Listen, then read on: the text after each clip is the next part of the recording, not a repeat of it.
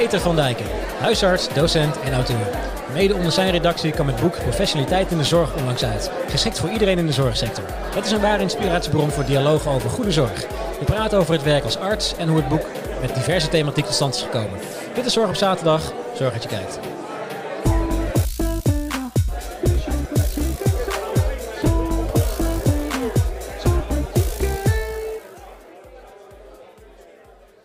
Peter, goedemiddag. Goedemiddag. Op deze ja, een beetje wisselvallige, wisselvallige middag eigenlijk, hè, qua weer. Want het is toch best wel wat, uh, wat klammig buiten, geloof ik. klam, ja. ja. Welkom uh, allereerst. Dankjewel en dankjewel voor de uitnodiging. Ja, heel leuk. Leuk om uh, een keer een, een huisarts in, de, in, in de show te hebben, zeg ja. maar, met ja, diverse achtergrond. Dus ja, en ook onze, onze de, de, boekenstapel begint steeds meer te groeien, zeg maar. Maar ook met die, met die van jou erbij. Daar gaan we zo meteen nog even wat meer over uitweiden. Maar ja, om te beginnen, volgens mij gaan we in Nederland en in de wereld de goede kant op hè, wat betreft uh, de coronacrisis. Lijkt wel zo, hè? Het, uh, wereldwijd het aantal uh, gevallen van corona nog wel toe, maar in Nederland en in Europa begint er toch steeds meer controle te ontstaan. Ja. Naarmate we meer vaccineren. Dus dat, ja, en we zijn natuurlijk allemaal verschrikkelijk blij dat het land meer en meer open gaat nu. Ja, en dat ook. Hè. Ik, ik moet zeggen dat toen ik twee weken terug op een gegeven moment de, de, persconferentie volgde en ik las, uh, ja, terug geloof ik, hè, of een week geleden, toen uh, werd aangekondigd van wat allemaal de 26e uh, weer mag. Dacht ik wel van, zo, dat gaat wel in één keer heel snel, weet je. Dat ook mondkapjes niet meer hoeven en anderhalve meter hoeft in sommige gevallen niet meer. denk ik dan van, hé, maar oh, oh, ja, omdat we er al zo lang in zitten, lijkt het dat nu ook in één keer heel snel te gaan. Ik bijna denk van, oh, gaat het niet een beetje te snel, weet je. Maar ja, het lijkt erop dat het allemaal, allemaal mogelijk is, hè. Dus, het is natuurlijk lekker dat het vlak voor de zomer weer zo open gaat. Dat, ja. Ik moet zeggen, wat ik wel grappig vond, is van de week zag je in het begin waren er volgens mij best wel veel twijfels ook over het, het Janssen-vaccin, die, die nieuw was. En van de week mochten mensen zich volgens mij zelf aanmelden om een prik te krijgen. En volgens mij was het gisteren of eergisteren dat, dat, dat, dat de lijn open was. En het was de hele dag overbelast volgens mij. En ja, ja. iets van, iets van 70.000 mensen die zich hadden aangemeld. Die denken waarschijnlijk allemaal van, nou weet je, de, de, de festivalzomer kan misschien toch alweer. Laten we gewoon één prik nemen en dan ben ik er direct vanaf. En dan, uh... Eén prik ben je klaar. Die andere moet je toch, uh, er zit vijf weken tussen. Ja, klopt. Dus als je dan begin juli gevaccineerd wordt, dan ben je pas uh, nou, ben je al bijna door de zomervakantie heen tegen de tijd dat je helemaal beschermd bent. Ja, ja. inderdaad. Ja, ja ik, ik ja. heb zelf, omdat ik in principe in, in de risicogroep val, omdat ik, omdat ik astma heb, zeg maar, krijg ik ieder jaar een griepprik. Heb ik zelf twee, tweeënhalf weken terug, bijna drie weken geleden, heb ik de, de eerste prik gehad van Pfizer, zeg maar. En nou ja, Weet je, ik ben uh, de, de grieprik gewend, dus ik weet dat er bijwerkingen kunnen zijn. Het was niet heel ernstig. Ik, was alleen, uh, ik had alleen een beetje pijn in mijn arm uh, de dagen. Ja, voor de ja. rest, ja, eigenlijk niks spannends. Dus heb jij ook al ben jij ook iets in die richting geprikt? Of, Ik heb de Moderna gehad, ja. Ah, ik, okay. ik, heb al twee prikken gehad. Ja. Ook, oh, je bent al helemaal... ik ben al helemaal klaar. Helemaal safe, zeg maar. Kijk, dat is, dat is mooi. Voelt ook waarschijnlijk wel als een, als een bepaalde geruststelling zeker, of niet?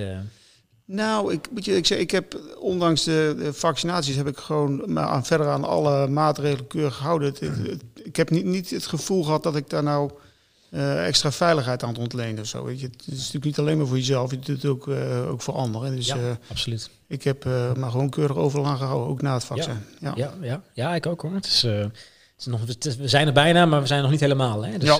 dus, dus ja, wat dat betreft, uh, even afwachten.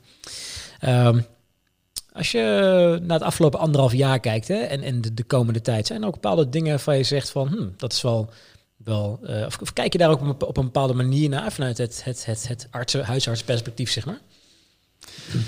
Nou, ik weet niet of ik daar nou. Ik, ik ben er niet rechtstreeks bij betrokken geweest bij de, bij de hele coronacrisis. Ik, uh, ik um, praktiseer eigenlijk niet meer als, uh, als huisarts. Ik werk nog als uh, scanarts. Daar komen we misschien straks nog even over te praten. En, ja. um, dus ik, ik heb het eigenlijk een beetje van een afstandje gevolgd. Ja, en net als heel veel Nederlanders vind ik er dan af en toe wat van. En ik zei al tegen je in het voorgesprek, uh, ja. 17 miljoen virologen. Ik, ik geloof niet dat mijn opinies daarin nou veel toevoegen per se. Ik, af en toe vond ik wel eens wat van bepaalde dingen. Maar ik denk dat iedereen die erbij betrokken is geweest vaak op basis van onvolledige en soms zelfs gebrekkige informatie gewoon naar, naar, naar beste kunnen heeft gehandeld. En, en dat we dat goed gedaan hebben in Nederland. Ja, ja zeker weten, zeker weten.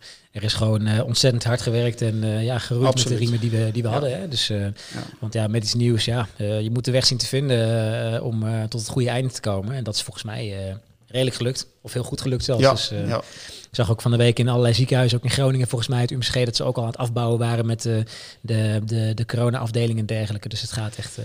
Ja, al hoorde ik wel van een collega in het ziekenhuis dat we in dat opzicht nog niet helemaal uit het bos zijn, omdat uh, nu de drukte wat af is, gaan met name IC-personeel gaat verlof nemen. Sommige mensen vallen nu daadwerkelijk om, uh, achterstallige vakanties. Dus dat heeft voor de reguliere zorg voor de komende tijd, gaat dat echt consequenties hebben, ja. Ja, ja. Ja, en dat is iets waar uh, de hele zorgsector zich eigenlijk al uh, vanaf begin af aan al zorgen om maakt. Ja. Hè? Dat, ja. het, het, het, tekort aan personeel en inderdaad de, de, gigantische werkdruk die in de afgelopen anderhalf jaar geweest is. Dus ja. dus ja. Dus ja, we kunnen langzamerhand weer toch weer stiekem een beetje door onze ogen kijken naar hoe het normaal was. Ja, het, het, het, het, voelt nu wel een beetje als een feestje. Weet je, als je nu door de stad loopt en de terrassen zitten weer vol, je kunt weer naar een restaurant. Ja. En ja, dus het voelt als een cadeautje af en toe. Ja, ik moet zeggen dat ik ook wel heel blij mee ben, want ik woon echt in de binnenstad. En de afgelopen, ja, kijk, natuurlijk, het was gewoon zoals het was en het was niet anders. Maar ik moet zeggen, als je in het centrum woont, woon je iets kleiner, hè, omdat je dan alles buiten de deur kan doen. Ja. Maar uh, nu was het in één keer, ja, wat kleiner wonen en heel veel burengeluiden en niks buiten de deur kunnen doen. Dus het is nu wel heel lekker om je gewoon de straat over te steken en ja, ja. op een terrasje plaats te kunnen nemen. Dus en, en, dan hebben wij het nog relatief goed gehad. Mijn, mijn, mijn, dochter woont in Spanje. Die heeft vorig jaar echt zes weken in huis gezeten. Die mochten dan één, twee keer in de week eh, naar buiten, eh, naar de supermarkt. Ja. Maar voor de rest was het gewoon binnen zitten. Dat hebben wij niet meegemaakt. Die, die, die bizarre lockdowns die eh, in sommige andere landen geweest zijn. Ja.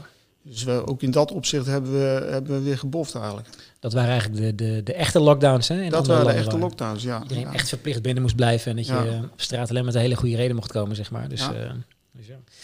Hey, uh, huisarts, is dat voor jou uh, echt een, een, een, roeping geweest? Of, uh... um, nee, het is denk ik niet echt een roeping geweest van de oorsprong. Het is uiteindelijk misschien wel een beetje geworden, hoewel ik het eigenlijk gevoelsmatig nu meer mijn bestemming gevonden heb als uh, scanarts. Ik, ik heb tot 2016 gepraktiseerd. Ik ben in ik heb mijn huisartsopleiding in Engeland gedaan. Ik ben in 2001 afgestudeerd en teruggekomen. Toen heb ik jarenlang waargenomen en ook wel in de reguliere dagpraktijk gewerkt. Maar ook veel in de avond, nacht, weekendzorg. Uh, toen kwam in 2009 kwam, uh, de, mijn baan bij de universiteit erbij. Vanaf dat moment werd dat steeds meer en het huisartsenwerk steeds minder. En de laatste keer dat ik echt regulier als huisarts in de praktijk gewerkt heb, was in 2016. Oké. Okay. En um, inmiddels heb ik dan, zoals dat heet, een registratie op basis van gelijkgesteld werk. Dus ik mag mijn titel van huisarts voeren op basis van het feit dat ik een aanstelling heb bij de vakgroep huisartsgeneeskunde uh, van het UMCG. Ja. Um, maar ik praktiseer niet meer, ik, uh, ik zie geen patiënten meer, maar ik uh, zie nog wel patiënten als scanarts. Ja, ja, ja, exact. Het, het werk als normale, of als, als gewoon normale huisarts, zeg maar, heb je dat nog wel eens gemist? Of heb je zoiets van, nee, de richting die ik nu heb ingeslagen is... Uh... Af en toe mis ik het nog wel eens, ja. Maar de richting die ik nu heb ingeslagen, die, uh, daar ben ik wel tevreden over, ja. Ja, inderdaad. Ja. ja. Wat, wat, wat een scanarts, wat, wat, wat, wat is dat precies? SCAN staat voor uh, Steun en Consultatie Euthanasie Nederland. Het is een, um, een opleiding, is de opleiding die door de KNMG, onze koepelorganisatie, verzorgd wordt. En scanartsen die um, verzorgen, uh, de, uh, nou ja, de titel zegt het al een beetje, steun en consultaties bij uh, euthanasieverzoeken. Dus wij doen de wettelijke second opinies bij een euthanasieverzoek. Dus er is ergens een dokter met een hele zieke patiënt die euthanasie wil. En um, de dokter is dan in principe al bereid om dat te doen. En ik ga daar dan naartoe. Ik praat met de patiënt, ik praat met de dokter om...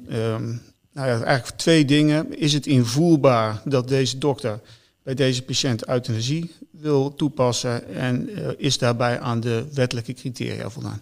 Ja, is wel een, uh, ja, op, op zich best wel een, een mooi proces, hè? maar natuurlijk best wel ook wel een heel zwaar proces, want je krijgt natuurlijk wel de, ja, de, de, de, de schrijnende gevallen waarschijnlijk te zien hè? als je uh, eenmaal aan het einde van het proces ja, instapt. Ja, ja. Een van de wettelijke criteria is natuurlijk ondraaglijk lijden. Ja, de, ja. De, dat geeft al aan hoe, in wat voor hoekje mensen zitten. Um, het is ondraaglijk uitzichtsloos lijden. En ja, als je zo ondraaglijk lijdt dat je uh, wilt overlijden, dan, uh, dan, dan zit je wel in het, uh, in het hoekje waar de klappen vallen. Ja, ja, ja. ja inderdaad. Ja. Ja, het is al wel pittig, maar ja, het is al, ja, het, het, het geeft een, hele, een heleboel nieuwe inzichten met zich mee. Hè? Dus, Ja, en het is ook wel heel waardevol werk. Weet je, dat, het, het, het hoort ook wel bij het vak van dokter. Mensen netjes naar de uitgangen helpen. En in Nederland hebben we dat gewoon prachtig georganiseerd met de euthanasiewet. Uh, hoewel daar aanvankelijk veel kritiek op was in het buitenland. Ik, ik, ik werkte in de tijd uh, dat de euthanasiewet door de uh, Tweede Kamer ging, was ik nog in opleiding in Engeland. En de oudste partner van de praktijk daar in Brighton werkte ik toen. Die stond mij ochtends om acht uur al bij de deur op te wachten. Met de vraag, what have you crazy Dutchman done this time? Oh echt? Ja, Zo. er was daar weinig begrip voor. En deels was dat misschien ook wel terecht, omdat vanuit Engeland de kritiek met name was dat wij onze palliatieve zorg niet op orde hadden. Ja. En hoe kun je nou over levensbeëindiging praten als je palliatieve zorg niet op orde hebt? Nou, dat, daar hebben we een enorme inhaalslag in gemaakt. Um, en inmiddels, het overgrote deel van de Nederlandse bevolking staat achter de wet. En we hebben het gewoon heel zorgvuldig geregeld. Um, dus ja, ik denk dat, uh, dat we daar goed werk doen. En ik, ik vind ook echt dat het bij het vak van dokter hoort en misschien ook wel bij het vak van huisarts. Ja, ja, ja exact. Ja, maar sowieso de, de, palliatieve zorg in Nederland is volgens mij op dit moment echt wel op het juiste niveau, toch? Want, uh... Ja, we hebben kwalitatief goede palliatieve zorg, ja. Absoluut. Ja, ja inderdaad. Ja, ja. Ah, wel, wel apart om te horen dat inderdaad in het buitenland er zo fel op gereageerd werd uh, toen we hier dan bezig waren om die wet überhaupt in te voeren. Vanuit uh, diverse perspectieven natuurlijk, maar ja, ja wel, wel, interessant om te horen. Ja. ja. En, en, wanneer ben je dan, want je bent ook nog docent hè, bij het, het UMSG in dit geval. Correct, ja, daar ben ik in 2009 begonnen als ja, coördinator professionele ontwikkeling. Dat was een onderwijslijn die deels al wel bestond in de zin dat in de Nederlandse opleiding um, was er, waren er meeloopmomenten waar dan op gereflecteerd werd in kleine groepjes. En ik, mijn, de vraag aan mij was, omdat ik in Engeland opgeleid was, kun je ook zoiets voor de toenmalig te starten Engelstalige variant. Hè. De International Bachelor of Medicine in Groningen hadden we toen. Ja, en meeloopmomenten lagen minder voor de hand, want het waren Engelstalige studenten en de meeloopmomenten waren natuurlijk in het Nederlands. Dus daar moest iets anders voor komen. Dus toen was, uh, kwam ik bij de vraag van ja, wat is dan eigenlijk professionaliteit? Wat is professionele ontwikkel, ontwikkeling? Ja, dan denk je een beetje aan uh, de wettelijke kaders van je vak, uh, ethiek, en ook alle, allerhande thema's die voor dokters interessant zijn, of waar dokters in ieder geval een keer over nagedacht moeten hebben. Ja. En, en, misschien over gepraat hebben. Dus eigenlijk ben jij ervoor gekomen om dan een soort van, of tenminste moet ik het zo, kan ik het zo bekijken, dat je dan bent gekomen om bepaalde modules te bedenken voor de de, de Britse of de, de, studenten met een Engelse achtergrond? Ja, nou, het was niet alleen de Engelse achtergrond. Uh, de internationale, interna internationale studenten, ja. We hadden ja. de universiteit had toen een, uh, een afspraak met, een, met Saudi-Arabië. En wij leidden ook voor een deel Saoedische studenten op. Maar er kwamen ook uit Europese landen kwamen de studenten op die opleiding af. Dus het, het werd alles bij elkaar wat internationaler. En daar heb ik toen in eerste instantie zonder al te veel kennis van zaken, of tenminste, ik was natuurlijk wel dokter, maar ik, ik had me daar nog nooit specifiek op toegelegd. Uh, heb ik daar een programma voor gemaakt voor kleine groepen van waar praat je dan over? Dus dan denk je eens een, eh, een ethische casus of uh, een juridische casus met aan de studenten de vraag van wat, wat, wat zou je hier dan doen? Nou, dat is langzaam doorgegroeid. Dat was toen de tijd in onze bachelor en uh, ook in de master werd daarover nagedacht. En we hadden toen een mooie onderwijslijn uh, professionele ontwikkeling in de master, die ook een prijs gehad had, een, uh, een innovatieprijs van de Nederlandse Vereniging voor Medisch Onderwijs. Ja, en daar zijn we eigenlijk een beetje op gaan voortbouwen. Ja. Als je dan zo'n groep met internationale studenten hebt die de module volgen en met die diverse thematieken te maken hebben, komen daar ook dan soms reacties uit van, huh, wat gek dat jullie, dat jullie dat hier zo doen? Of is het wel echt zijn het wel, wel thema's die echt wel internationaal georiënteerd zijn, waar eigenlijk bijna allemaal een beetje hetzelfde is, zeg maar? Of, uh... Nou, nee, met, met dat je mensen met een andere culturele achtergrond uh, binnen de poorten haalt, krijg je natuurlijk meerdere perspectieven. Ja. En bijvoorbeeld, in, uh, voorbeeld wat me nou te binnen schiet is, um, we hebben ooit wat van die coachgroepen gefilmd om eens te kijken wat, wat gebeurt er nou precies. En um, de Nederlandse uh, manier om slecht nieuws te brengen is eigenlijk gewoon recht voor zijn raap en dan achteruit leunen en kijken wat er gebeurt en daarop reageren. En daar is op zich niet al te veel mis mee. Maar uit andere culturen wordt daar wel eens vreemd naar gekeken. Want hè, als je iemand slecht, echt heel slecht nieuws brengt, dan wat merkte een van die studenten op, dan pak je hem, pak je hem zijn hoop af. En, en vanuit zijn culturele achtergrond zei je, dat mag je nooit doen. Je, je mag mensen nooit hun hoop afpakken. Ja. Ja, dat is natuurlijk interessant om het daar eens over te hebben. Van, hè, als je inderdaad tegen iemand zegt, je bent, uh, dus, je bent uitbehandeld, we kunnen niks meer voor je doen, en je levensverwachting is minder dan drie maanden. Daar kun je ook anders naar kijken. En daar wordt ook in andere culturen anders naar gekeken. En dat is niet altijd goed. Um, dat levert ook wel schrijnende situaties op. Maar wij zijn daar zelf ook enorm in opgeschoven. In, uh, in de jaren 60, begin jaren 60 in Nederland was het nog vrij normaal dat dokters dat soort informatie achterhielden voor patiënten. En eind jaren 70, toen nog maar 20 jaar later, uh, was dat volledig omgeklapt. Dus eigenlijk uh, nog geen, dat zeggen 60 jaar terug, was het nog niet zo dat dokters direct zeiden van, als, je, als het dan het einde in zicht was, van joh, uh, weet je nog een half jaar of zoiets? Daar werd dan toch wat, wat mee geschipperd. Oké. Ja, en in andere culturen, en um, er is een, um, een, regisseur, Rob Hof, die heeft daar een aantal films over gemaakt, met de iets wat tendentieuze titel um, Is This Allah's Will? Alsof het alleen maar religieus gemotiveerd was. Maar die laat dan zien hoe in andere culturen anders met dat soort dingen wordt omgegaan. Wat wij dan tegenwoordig de conspiracy of silence noemen. Hè, dat de familie geïnformeerd wordt, maar de patiënten eigenlijk niet. Ja, um, ja het, het, is goed om het daar eens over te hebben. En er zijn veel meer van dat soort thema's. En dat is eigenlijk ook een beetje de basis geweest voor het, uh, voor het boek. Ja. Uh, we hadden natuurlijk uh, al een aantal van die thema's geïdentificeerd. En samen met Pieter Barnhoorn uit Leiden en Janneke Geurts psycholoog ook uit Groningen, um, hebben we dat uitgebouwd tot het, uh, tot het huidige boek. Ja, ja inderdaad. Wat, uh, nog, nog heel even over die studenten. Hè? Als je dan uh, dit soort punten bespreekt, eh, dat zorgt waarschijnlijk op sommige momenten ook al voor best wel vurige of gepassioneerde discussies. Want ik kan me best voorstellen dat iemand die een hele andere achtergrond heeft en ook al vanuit een beetje het religieuze hoekje handelt, dat die misschien heel fel is op dingen die dan vanuit een andere kant van de wereld ja, bekeken worden of gedaan worden. Nou, je hoeft niet eens zo heel ver uh, van huis om dat soort uh, meningsverschillen te zien. Weet je, okay. Er zijn natuurlijk hier in Nederland ook mensen met een, met een christelijke achtergrond die, uh, die anders tegen euthanasie aankijken dan ja. ik dat bijvoorbeeld doe. Um, en het is ook wel mooi om te zien. Kijk, we, we hebben een, een, hele getalenteerde studentengroep. Groningen krijgt elk jaar 1200 aanmeldingen. En we halen daar, we halen, we selecteren daar de 400 uit. Zo, zijn er zoveel aanmeldingen? Ja, er zijn veel meer aanmeldingen dan er, uh, dan er plekken zijn. Ja. Um, en dat zijn allemaal hele slimme, getalenteerde mensen. En als je die met elkaar in een kamer zet en, uh, en je laat ze over dat soort onderwerpen praten, dat, het, het respecteert mekaars mening ook wel. En dat is natuurlijk ja. ook wel een beetje de insteek. Weet je, dat je ja. over bepaalde professionele issues anders kunt denken, maar er wel goed met elkaar over moet kunnen praten. En ook open moet staan voor mekaars argumenten, ook al heb je zelf een standpunt. Ja, precies. Ja. En dat, we, we, doen dat in kleine groepen van, van acht studenten. We hebben daar dan een, een, een, coach op zitten. Dat is vaak een dokter of een psycholoog. Maar we hebben er ook één dominee bij zitten, bijvoorbeeld zelfs. Oh, okay. Het, ja. het, het uh, hoeft niet per se iemand met een medische achtergrond te zijn, hoewel studenten vaak daar wel de voorkeur aan geven. En die reguleren die gesprekken tussen de studenten ja. een beetje. Het is eigenlijk een soort van, soort van intervisiebijeenkomsten voor uh, clubstudenten. Of ja, is dat te simpel genoemd? Nou nee, het is, het is eigenlijk precies dat. We hebben het, het is bij ons dubbel. Wij doen en een uur intervisie. En drie kwartier bespreken we een thema uit het boek.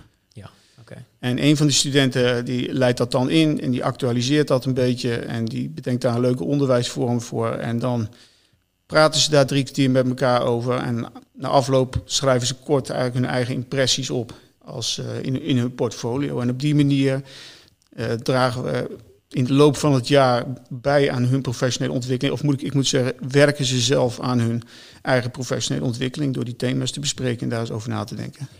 Ja, ja. En want, uh, want zoals je net eigenlijk al beschrijft, hè, het, het boek uh, Professionaliteit in de Zorg. Uh, ja. ik, heb, ik heb er ook een aantal passages uitgelezen. En het is, het is, want toen ik, toen ik hem eerst op doorbladerde, van, oeh, ja, het is inderdaad wel een beetje een studieboek, hè, maar als je dan helemaal begint te lezen, al die, die anekdotes die erin staan en hoe het geschreven is, je kan er heel snel doorheen lezen.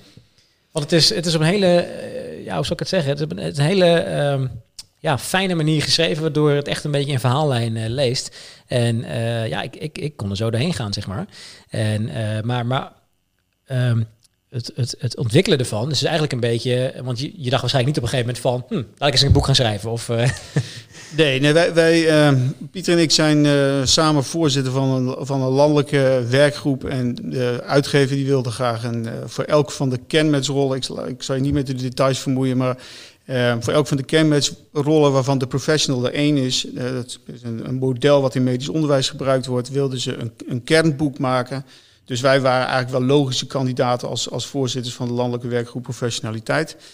Um, dus daar zijn we een beetje mee begonnen. Um, en ja, we wilden eigenlijk ook wel een boek maken wat iets breder was dan al, voor alleen voor medische studenten. Ja. En er zijn in het hoofdstuk een aantal, er eh, zijn in het boek een aantal hoofdstukken die echt wel voor medische studenten zijn, specifiek op beroepsgeheim, ik noem maar wat. Maar ook uh, zijn ook wat meer beschouwende hoofdstukken die uh, ook voor andere zorgprofessionals interessant zijn. Voor verpleegkundigen, voor ambulanceverpleegkundigen, voor verzorgenden. Dus het is in dat opzicht wel een breed boek geworden. Dus we hebben het ook met opzet niet genoemd iets van medische professionaliteit, maar professionaliteit voor mensen die in de zorg werken. Want wat is dat dan professioneel? Daar begint het al mee. Ja. En uh, Pieter heeft het uh, eerste hoofdstuk geschreven precies over dat. Wat, wat is nou eigenlijk uh, professionaliteit? Ja, ehm, het, hij noemt het dan een God-term. een God-term is een wel positieve positief geformuleerde term waar je het eigenlijk moeilijk mee oneens kunt zijn. En professionaliteit is zo'n term, want je verwacht het toch van de dokter dat hij professioneel is. Maar wat we er precies mee bedoelen, dat is vaak onduidelijk. En dat verschilt nog wel eens ehm, per persoon aan wie je het vraagt. Nou, daar, daar, begint het boek eigenlijk mee. En dan hebben we een hoofdstuk over reflectie, want dat is heel belangrijk. Intervisie is natuurlijk een, uh, een belangrijk onderdeel van de medische opleiding en inmiddels ook van de medische praktijk. Ja. we leren de studenten uh, intervisie aan, maar uh, dokters zijn in toenemende mate verplicht om uh, aan intercollegiale toetsing te doen, lees intervisiegroepen uh, bij te wonen. En dan zijn er daarnaast nog een aantal thema's, of een aantal 30 hebben wij er geselecteerd. Van hoe, uh, hoe ga je om met fouten? Um, hoe, hou je het leuk? Burn-out komt best wel veel voor in de zorg. Ja. Um, nou, ik zou zeggen, pak er even bij. Ik, ik heb zelf een hoofdstuk geschreven over, samen met Carlo Loget, over Ehm, ehm, dat heet dan dokters zijn monteurs. Hè. Daar kun je ook over nadenken van behandelen dokters nou alleen de lichamelijke klachten of, uh, of, of bemoei je ook met de, met de psychische weerslag van die klachten en, en kijk je dus meer holistisch. Hè. En daar kun je ook weer verschillend naar kijken. Ja. Euthanasie is zo'n onderwerp. Ehm, hoe is het om dagelijks te werken? Waarom kiezen mensen een beroep waarin je voortdurend te maken krijgt met mensen die ziek zijn, die lijden, die moeten afzien? Eh, wat, heeft dat, wat doet dat met jezelf? Nou, dat zijn allemaal onderwerpen waar het, waarvan het goed is om het er eens over te hebben. Ja, zeker. Als je dan uh, sorry, als je, uh, ermee bezig bent en ook alle onderwerpen die je net noemt, hè, want het zijn allemaal gedachtegangen die waarschijnlijk ook dagelijks bij jezelf terugkomen. Uh, levert zo'n het, het, hè, de, de redactie op zo'n boek hebben, levert het voor jezelf ook nieuwe inzichten op? Of kan haast niet anders, zou je, zou je ja, zeggen? Ja, dat is om te beginnen, we, we, we het was een, een hele leuke redactie. We hebben het boek met verschrikkelijk veel plezier gemaakt. Ik, uh, ik had er ook van uh, de universiteit wat vrije tijd voor gekregen. Dus ik had ook wat meer tijd dan, uh, dan de andere twee om erin te steken. Maar desalniettemin, we hebben met z'n drieën dat in, als een, als een ongelooflijk goed team hebben we dit gemaakt. En, we hebben er verschrikkelijk veel lol mee gehad. Ik ben er laatst kort over geïnterviewd, dus toen moest ik er al een beetje over nadenken. Want toen kwam ook zo'n soort vraag, wat doet het nou met je? Heeft het je... je uh, je visie op verandert. Um, het, het, het thema van het boek, wat mij betreft, is ook een beetje hoe, hoe hou je het menselijk? Als je de, hoofdstukken doorbladert, en, of al, je leest alleen de, de, de synopsis aan het begin, want we hebben een soort van korte trailer geschreven bij elk hoofdstuk. Um, als je die leest, heel veel auteurs die komen er dan op uit eh, op de vraag van hoe hou je het menselijk? Hoe ga je om met technologie? Hoe zorg je dat technologie niet de zorg overneemt? Ehm, ook in het omgaan met fouten. Dat je, je realiseert dat je met mensen te maken hebt en dat je niet alleen maar juridisch insteekt. En een heleboel uh, auteurs komen daar linksom of rechtsom op uit.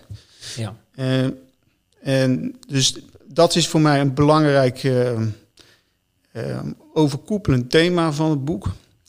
En dan heb ik je vraag nog niet eens beantwoord volgens mij. Wat, wat heb ik er nou zelf van geleerd? Ja, dus ik ben natuurlijk inmiddels ook 20 jaar huisarts. Ik ben in 2001 afgestudeerd als huisarts. Uh, goede zorg is bijna altijd maatwerk. En ehm, we hebben protocollen, we hebben best practices, we hebben allerlei richtlijnen. Maar die richtlijnen zijn niet zaligmakend. Ik hoorde laatst eens iemand op een congres zeggen...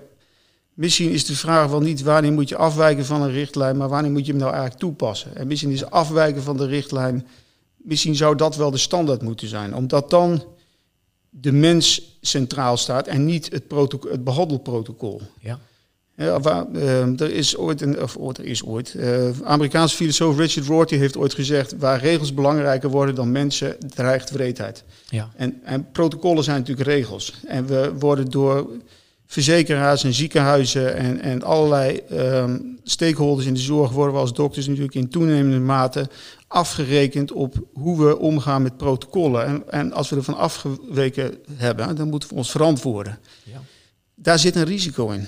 Ja, nu je daarover begint, een van de uh, dingen die me ook binnen schiet, is dat bijvoorbeeld huisartsen zitten tegenwoordig best wel met een, ja, een, een, een een, een, een streng stramien uh, waarin ze uh, een, een, consult kunnen doen. Hè? Want ik, ik merk het ook bij mijn eigen huisarts een tijdje terug. Ik kom er gelukkig bijna nooit, maar die keer dat ik kwam, kwam ik voor iets. En toen zei ik van, oh trouwens, ik heb nog iets anders. Het zei ze van, ja, daar had je eigenlijk nog even een extra afspraak voor moeten maken. Ja, van, ja. Hè, maar, ja, maar ik zit er nu toch? Ja, maar het schijnt dus dat het heel streng gereguleerd is. Hoe, hoe ga je met zoiets om als, uh, tenminste, hè, of hoe ging je met zoiets om? Ik, ik vond het lastig. Ik, uh, ik heb de, de, de tijdsdruk uh, heb ik altijd als, uh, als, als problematisch ervaren. Je hebt natuurlijk, natuurlijk heb je de mogelijkheid om uit te lopen, maar als je met de eerste patiënt op je spreekuur 10 minuten uitloopt, dan loop je eigenlijk met elke patiënt 10 minuten uit. Want dan zit iedereen 10 minuten lang in de wachtkamer. En die druk voel je wel. Ja. En het hele systeem is er ook eigenlijk op ingericht dat je met één klacht bij je dokter komt. Want als, jij 10 minuten, als ik 10 minuten voor jou heb en je hebt vier klachten, dan heb ik 2,5 minuut per klacht. Ja, elke klacht moet natuurlijk wel uh, nou ja, de aandacht krijgen die die verdient. En hoe meer je in die 10 minuten propt, hoe, hoe, hoe, minder die aandacht per klacht is. Dus ik heb dat ook wel gedaan. En, en heel veel dokters doen dat. Ja. En ik zeg van, joh, weet je, als, je, als we het daar ook nog over moeten hebben, dan moet je eigenlijk even een nieuwe afspraak maken. Of meld het even bij de, bij de assistent vooraf. Dan krijg je een dubbel consult. Ja, oké. Ja, dus die, de, dat is wel eens lastig, maar ja, dat is ook een beetje de aard eh, van het vak. Ja, ja. In ieder geval het vak van huisarts zeker, ja. Ja, ja. Het mooie ook in uh, uh, het boek, ook, het zag ik ook in, in, in jouw, jouw hoofdstuk ook van het blijft mensen werken.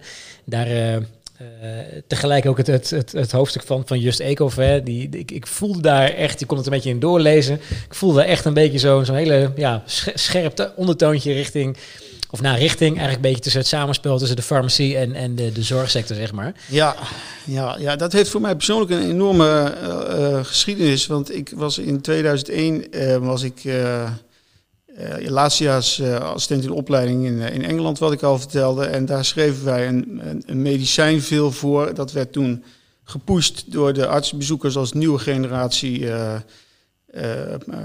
pijnstillers. Dat was de, de, de, opvolger van ibuprofen en, en diclofenac. En dat zou veel veiliger zijn. Vioxx heette dat middel. Mhm. En dat middel uh, heb ik dus ook veel voorgeschreven daar. En toen een aantal jaren later werd dat ineens van de markt gehaald. En toen in de rechtszaken die daar volgden, bleek dat de industrie, de, de, de, de fabrikant van dat middel, eigenlijk al veel langer op de hoogte was van de negatieve bijwerkingen van dat middel dan ze aan dokters verteld hadden. Sterker nog, dat ze die informatie achtergehouden hadden. Ja. Ja, en toen brak mijn klomp een beetje. Dacht ik, weet je, ik ben dokter geworden om mensen te helpen. En ik heb dus blijkbaar middelen zitten voorschrijven waarvan degene die het mij gaven wisten dat er risico's aan verbonden waren. Die risico's zijn me niet verteld. Ja. En toen ben ik me eens wat in het onderwerp gaan verdiepen. En toen ik later die baan op de universiteit kreeg, was dat ook een van mijn eerste missies. En van dit onderwerp komt in het programma. En ik heb daar een aantal keer een symposium over georganiseerd. De industrie heeft best wel veel macht en invloed uh, in de gezondheidszorg. Ja, het, uh, veel problemen uh, worden opgelost met een pil. En een heleboel daarvan zijn ook goed op te lossen met een pil, maar een aantal ook duidelijk minder goed. En toch worden pillen gepusht. En daarbij gaat het in de industrie, en dat is jammer gaat het nog wel eens mis in de afweging tussen. Uh, het is natuurlijk een neoliberaal bedrijfsmodel. Dus uh, als de bedrijven streven naar aandeelhouderswaarde voor hun, aandelen, voor hun aandeelhouders. Ja. En, en in de afweging tussen uh, winstmaximalisatie en patiëntveiligheid legt de patiëntveiligheid het nog wel eens af. Ja. En dat zie je toch wel over de afgelopen 20, 30 jaar in toenemende mate gebeuren. En het is, ik wil hier niet gaan zitten industriebashen. Industrie heeft absoluut een plaats. Het is een, een, een stakeholder in de zorg. En uh, we hebben ook veel aan de industrie te danken. Weet je, penicilline was er niet geweest zonder dat de industrie de productie daarvan op zich genomen had. Maar de afgelopen 20, 30 jaar is de balans een beetje zoek. En gaat, gaat het vooral om geld maken. Precies, ik moet ook zeggen dat ik wel een beetje, nou, van mijn stoel vallen is misschien een groot woord, maar in het hoofdstuk van Just Eco, waar je op een gegeven moment beschrijft, ja, weet je, in de, in de sector is volgens mij iets van 1,2 biljoen was in 2017 uh, eh, de, de, de omzetten, ja. waarvan uh, uh, ruim 400 miljard alleen maar aan marketing besteed werd, terwijl er maar 200 miljard aan research and development. Denkt, hè? Maar dit, dus research and development maar de helft van marketing, van wat totale wat eraan besteed wordt. Ik, nou, dat, ja, daar, gaat ontzettend veel geld om in, in, die, in die sector. En als er veel geld omgaat, dan, uh, ja, dan uh, geld corrumpeert, macht corrumpeert ook. Weet je, en, ja, en zeker, dokters hebben ook macht. Dus we, we, we dokters en de, uh, de hele professie kan zijn hand ook niet in onschuld wassen. Wij hebben ons voor een deel ook laten corrumperen. Weet je, er is een tijd geweest dat je uh, gratis naar Australië vloog voor een congres waar je dan je handtekening zet en dan kreeg je nog een computer mee naar huis ook. Weet je, die tijd ligt ver achter ons. Dat is allemaal gelimiteerd uh, door, de, door de overheid. Maar ook de, de, de, de, dokters hebben daar ook een rol in gespeeld en, en hebben zich ook daarin ook laten bespelen. En het is goed, en daarom is het een van de onderwerpen in het boek. Het is goed dat we dat daar eens over hebben. Weet je, wat doet dat nou met je? Je krijgt een cadeautje, je krijgt een gratis stethoscoop met de naam van een farmaceutisch bedrijf erop. Beïnvloedt dat je, je, eh, je voorschrijfgedrag? En heel veel mensen denken van, ah, nee, van mij niet. Gek genoeg denken we dan allemaal wel dat het bij de collega's wel invloed heeft, maar voor onszelf denken we dat het meevalt. Dat is gewoon niet waar, want farmaceutische bedrijven geven geen geld weg. Die, die proberen winst te maken. En geld aan dokters geven in de vorm van cadeautjes en, en attenties, dat betaalt gewoon uit. Ja. Dat, dat, dat onderzoek laat dat zien. Ja. Dus dokters in SP moeten zich daarvan bewust zijn dat uh, de omgang met de uh, farmaceutische industrie, dat dat uh, bepaalde risico's met zich meebrengt. Ja, precies. Dus Dat, is, dat is ook weer een van de onderwerpen in het boek. Ja. ja. Het is interessant, want mijn broer Terrence, die in een van de eerdere episodes ook een van de gesprekspartners was, die, die is ook nog actief in de, in de, in de farmacie, zeg maar. Hij vertelt wel eens, als je op een beurs staat, hoe het eraan toe gaat en hoe weinig ze eigenlijk mogen om überhaupt te laten zien wie ze zijn en wat ze doen. Dacht, ik dacht van, hé, maar zo kun je toch je werk helemaal niet doen. Maar ja, maar er zit wel een, er zit een reden achter, hè, inderdaad, waarom het allemaal zo, zo streng gereguleerd is. Omdat, ja, inderdaad, mensen nou eenmaal corrumpeerbaar zijn. Hè, dus... Uh, en nogmaals, dat wil ik graag benadrukken. De, industrie heeft een legitiem belang in de zorg. Absoluut. We kunnen ook niet zonder de industrie. Maar er gaan daar af en toe dingen niet goed. En er gaan ook in de relatie tussen de industrie en de medische professie gaan dingen niet goed. En daar moeten we het over hebben. Ja, wat ik wel interessant vond is in het hoofdstuk voor jou, uh, had je op een gegeven moment een, een voorbeeldcasusje over de meneer die uh, uh, met, met zijn BMI, hè, dat hij dan op een gegeven moment was, was 28, was nog gewoon gezond.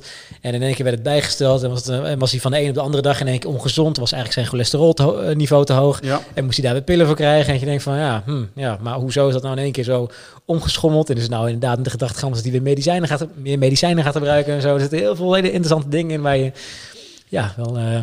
Ja, het is. Um, het is je, je, bent je daar niet altijd van bewust. Hè? We zeggen dan, als je een BMI boven de 25 hebt, dan ben je te zwaar. Maar ergens heeft iemand gezegd, uh, dat afkappunt van wanneer je te zwaar bent, ligt bij 25. En dat zijn... Uh, dat is geen biologisch dictaat. De biologie dicteert dat niet. Dat, dat, dat zijn afspraken die wij met elkaar maken. En die afspraken kun je ook anders maken.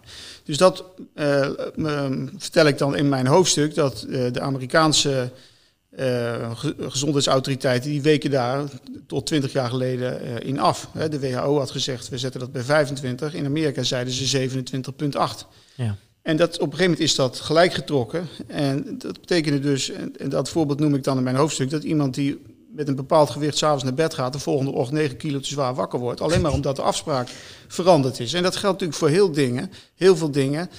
Um, uh, bijvoorbeeld ook voor, we hebben een paar jaar geleden een hele discussie gehad over de afkapwaarde van een uh, cholesterol waarboven je dan moest behandelen. En dat leverde een enorm fel debat op van mensen die zeiden, ja weet je, de, industrie daar zijn ze weer, die zijn erbij gebaat om een zo laag mogelijke afkapwaarde te kiezen. Want hoe lager die afkapwaarde, hoe meer patiënten, hoe meer omzet, hoe meer winst, enzovoort, enzovoort. En ik denk dat het goed is dat we ons daarvan ook bewust zijn. Een heleboel diagnoses hoeven we niet over te discussiëren. Die, zijn, die worden ondersteund door wetenschappelijk onderzoek. Eh, daar zijn zinvolle behandeling, behandelingen aan verbonden. Uh, dus dat werkt. Maar dat geldt niet voor alle diagnoses. Er zijn ook bepaalde diagnoses waarvan je kunt zeggen van ja, voegt dit wat toe? Of, of is dit niet... En dat zie je vaak bij, bij psychiatrische diagnoses, die stigmatiseren ook.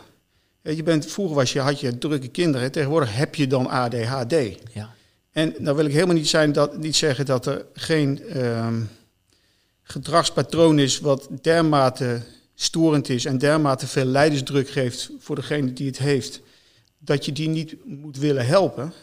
Maar het probleem is een beetje dat, je het, dat het voortdurend gedefinieerd wordt als een afwijking van de norm. Ja. dus op het moment dat iemand heel erg veel last daarvan heeft, dan noemen we dat ADHD. Maar dat laat tegelijkertijd de mogelijkheid open, of creëert de mogelijkheid om te zeggen dat iemand die wat minder afwijkt van de maatschappelijke norm, dat die een lichte vorm van ADHD is. En dat zie je dus ook gebeuren in de psychiatrie. Dat uh, steeds meer, dat er steeds meer diagnoses komen, dat er steeds meer mensen zijn die, uh, die zo'n diagnose opgepakt krijgen, omdat ze afwijken van een bepaalde norm. Ja. En dat is nogal eens een maatschappelijke norm en niet per se een, een, een medische ziekte. Ja. Dus het is goed omdat, ook daar geldt weer, laten we het daar eens over hebben, want dat is gewoon best belangrijk. Ja, ik denk dat sorry, dat, dat ook gelijk uh, een beetje de, de, noodzaak is van uh, bij zo'n opleiding en bij studenten onderling dit, soort, dit soort thematiek te bespreken. Hè, zodat mensen daar ook de inzichten in krijgen van de mensen die al langer in het vak zitten of de mensen die uit een ander gebied van de wereld komen of een andere geloofsovertuiging hebben of iets dergelijks. Dat je, daar met elkaar over hebt, dat iedereen ook een beetje snapt van hé, hey, wacht eens even, gaan we wel de goede kant op of ja. misschien toch niet? Ja. Of moeten we het toch misschien anders doen? Of gaan we niet te veel stempels plaatsen, weet je, op mensen? Dus, dus dat is waarschijnlijk ook direct een noodzaak erachter ja, hè, om dat te doen. In dat opzicht misschien leuk om ook nog even het, hoofdstuk van Bagiel Karskens te noemen. Um, dat is een, een, een, filosoof en een, en een Foucault-kenner. En die zegt eigenlijk dat we inmiddels zoveel alles door een medische bril bekijken... dat we um, uh, onder een dwingend medisch regime leven. Het, het, het is nou een beetje te ingewikkeld om dat in een paar media-friendly soundbites samen te vatten. Maar uh, het is natuurlijk zo, we mogen niet meer roken, we mogen niet drinken, we moeten sporten, we mogen niet te veel zitten, we mogen dit niet eten, we mogen daar niet naartoe. En dat zijn allemaal medische dictaten. En dat neemt steeds verder toe. Willen we dat? Ja, zeggen de, kun je aan de ene kant zeggen, ja, want het is gezond en het levert een langer leven op. Maar is dat dan per se het enige wat we willen, lang leven? Of hebben nou ja, in ieder geval, dat is ook een onderwerp waar je het eens over kan hebben. Ja. Hoe dwingend uh, zijn al die medische adviezen nou? En in hoeverre gaan ze het, uh, bepalen hoe mensen leven en mogen leven? Ja, ja inderdaad. Ja.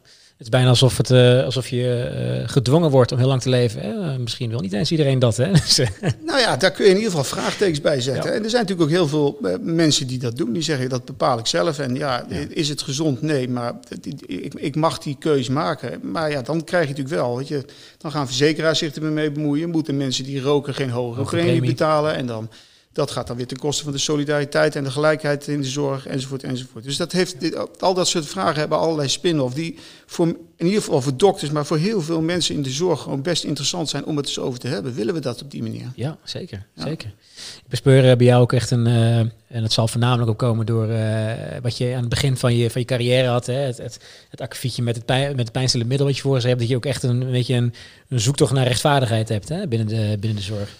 Ja, ik weet niet of het nou in die zin een, uh, een, een, missie is. Ten aanzien van dat onderwerp denk ik wel. Weet je, dat was ja. voor mij echt een wake-up call dat ik dacht van, waarom heb ik dit gemist? En, en uh, ik vond het echt, ik vond het heel erg om te merken dat ik een, een jaar lang een middel voorgeschreven had, wat alleen al in de Verenigde Staten aan 60.000 mensen het leven gekost heeft. Want het, het, zijn ook, het gaat ook best wel om, om grote getallen.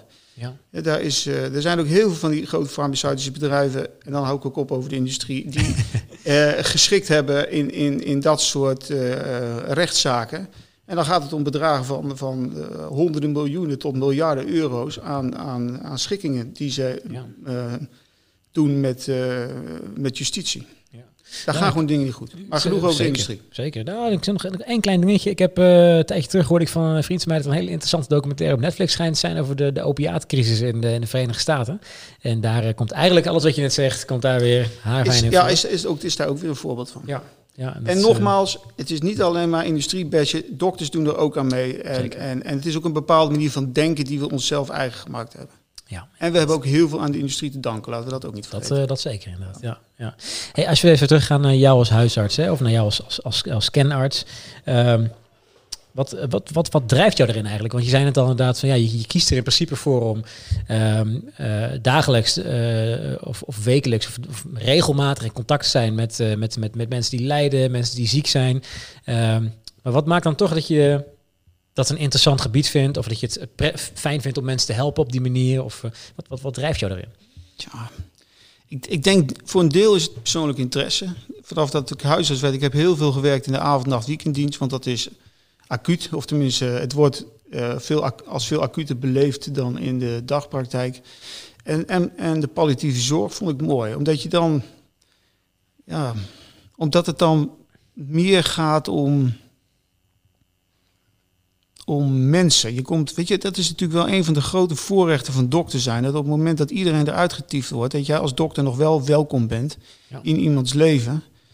En dan gaat het vaak niet meer om, om, om triviale dingen. Dan komen er, dan komen er moeilijke vraagstukken langs. Ja, ik, dat, ik, ik vind dat boeiend. En, en ik merk ook dat ik het voor mezelf waardevol vind om uh, mensen te mogen begeleiden die in een fase van hun leven beland zijn dat het er, dat het er echt om spant. En die voor hele moeilijke keuzes staan. Want het is natuurlijk, uiteindelijk wil, niemand wil dood. Het is zo tegennatuurlijk. Dus als je jezelf op een gegeven moment aantreft in een situatie dat je zegt, ik wil eigenlijk liever dood dan dit nog langer. Ja, dat, dat zijn, dan, dan wordt het wel serieus. En dan, ja, ik,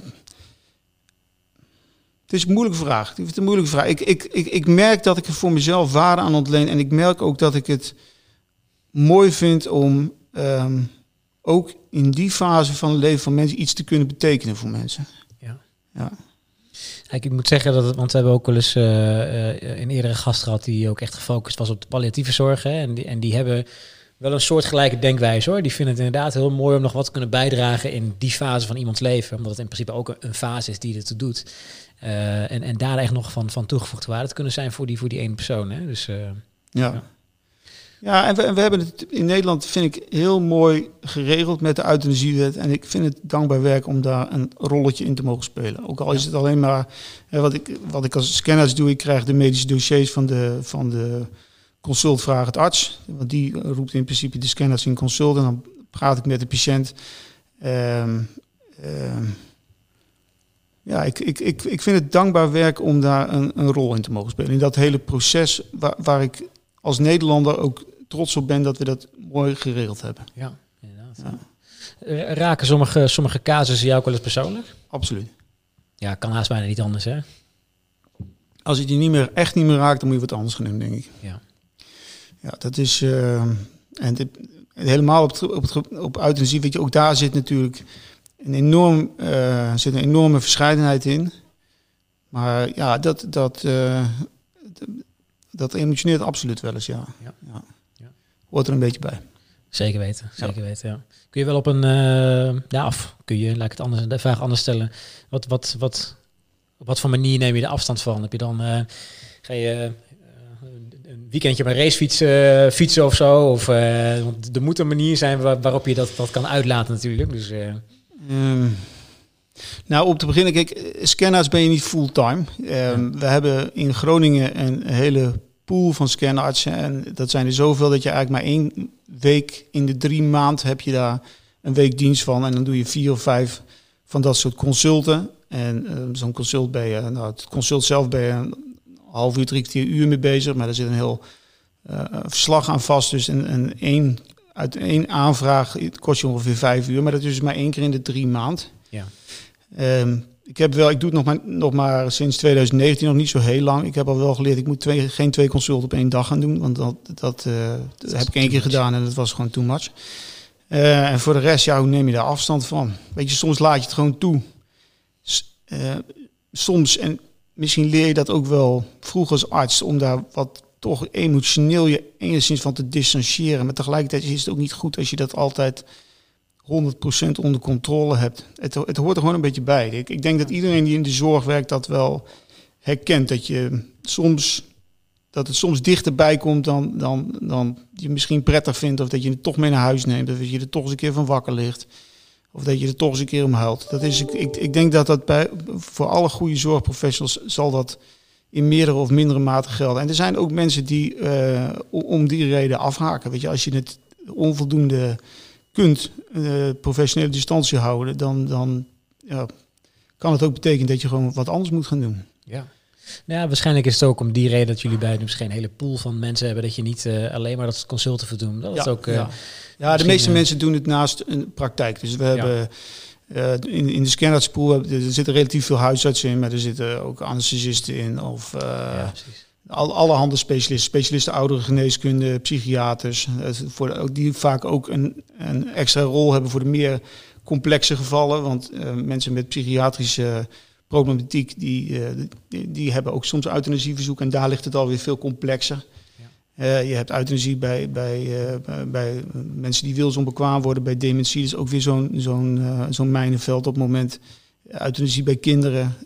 dus er zijn ook binnen het werkveld van de euthanasie zijn er nog weer heel veel verschillende domeinen eigenlijk. Komt het ook wel eens voor dat je tijdens zo'n proces ook moet het tegengestelde moet adviseren? Dat je, dat je moet zeggen van ik weet niet of het in deze situatie uh, de, ja, de bedoeling is. Dat, uh. dat komt voor, ja, ja. ja. Er komt niet zo veel voor, want uh, de consult vraagt het arts, dus de, de, arts die van plan is om de euthanasie uit te voeren, die doet zijn huiswerk over het algemeen ook uitstekend. Dus in het merendeel van de gevallen um, um, levert dat een positief advies op. Maar er zijn complexe gevallen waarbij je toch zegt van zou, zou je niet nog dit of dat... Of ja, er zijn een aantal, weet je, je hebt stapeling van ouderdomsziekte versus voltooid leven. Nou, stapeling, bij stapeling van ouderdomsziekte mag je volgens de wet euthanasie uitvoeren, maar bij een voltooid levenproblematiek, zoals dat heet, mag dat niet. Ja, dat ligt natuurlijk dicht tegen elkaar aan. Dat zit ook een beetje aan de formulering. En scanartsen zijn er ook met name om dat soort dingen te checken, omdat je als huisarts daar toch, of als dokter die de euthanasie wil gaan doen, daar toch een stuk dichter op zit. En dat ook je objectiviteit kan beïnvloeden. Dus ja. scanartsen zijn ook nadrukkelijk bedoeld om ter bescherming van de dokter die eh, de euthanasie uitvoert. Want dat doe ik nadrukkelijk niet. Ja, ja snap ik.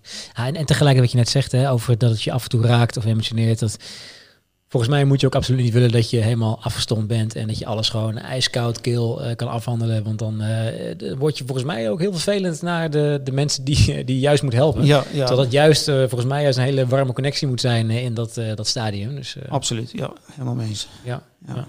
ja heel interessant dat, dat stukje van het, het vakgebied. Vind ik ook. Ja. hoe is jouw, of jou, hoe is het, het, het boek dat jij en consorten geschreven hebben. Hoe is het eigenlijk ontvangen in de, in de ja, sector? Um, ja, best uh, positief. Het, uh, we hebben het in Groningen hebben we het nu voor de master als studieboek. Dus alle Groningse masterstudenten, en er zijn er 400 per jaar, die komen ermee in aanraking. Maar ook Amsterdam gaat er waarschijnlijk mee werken. Um, Leiden, Pieter Barno komt uit Leiden, die, die hebben het ook op de boekenlijst gezet. Maastricht heeft het nu op de boekenlijst gezet. En er is nog een of andere opleiding, ik weet niet precies waar, tot uh, physician assistants. Uh, die hebben het ook uh, opgenomen in hun curriculum. Dus ja, we, tot nu toe gaat het best goed, want het is nog maar, het is nog maar twee maanden uit. Twee maanden nog maar. Ja, dus, en vanaf september gaan wij er in, in Groningen in ieder geval mee, mee werken. Kijk, fantastisch. Ja. ja. Ik, ik vond hem ook uh, heel interessant om te lezen hoor. Dus ook voor mensen die, die uh, niet medisch zijn of niet uit de zorg komen, misschien in een andere vorm dan, uh, is het ook heel interessant om te lezen. Dus het is echt, ik laat hem nog even nog een keertje zien. Het is echt een, echt een aanrader deze. Ja, en de foto's ook mooi, vind je niet? En de foto's heel mooi inderdaad. Ja, echt de, de oude stijl arts. Hè. Ja, dus, dus een bekroonde foto met, met dank aan, aan Pieter. Die, die heeft ervoor gevochten om die foto op de voorkant te krijgen. Ja, precies. Want die wilde onder geen enkele voorwaarde een, een, een, een stethoscoop op de voorkant zien. Nee, dus nee, en deze foto is het geworden. We, uh, die, dit is ook een bekroonde foto die in een of ander archief zit. Uh, daar, daar, hebben we hem van moeten kopen. Maar het, het, heeft het boek wel een extra, een extra glans gegeven. Ja, zeker weten. Prachtig. Zeker weten. Ja, ja. Hey, ik vond het een uh, hele interessante inkijk uh, in, jou, in jouw vakgebied, Peter. En ja, de, de, de, het, het, het, scherpe randje richting de pharma, waar we natuurlijk heel veel aan te danken hebben, maar ook veel, veel van wegkomt. de informatie over het, het boek Professionaliteit in de Zorg, wat zeker een aanrader is voor iedereen, los van zorgsector of in de zorgsector. tevens of je wel medisch specialist bent of niet. En uh, ja, ook het, het inkijken in het uh, deel als scanarts. Hè. Dus uh, daar wil ik je heel erg voor bedanken. Ik wil jou ook bedanken, want ik vond het een erg leuk gesprek. En nogmaals, zeer bedankt voor de uitnodiging. Mooi, super. Graag gedaan. Volgende zaterdag, een nieuwe Zorg op zaterdag. Zorg dat je kijkt.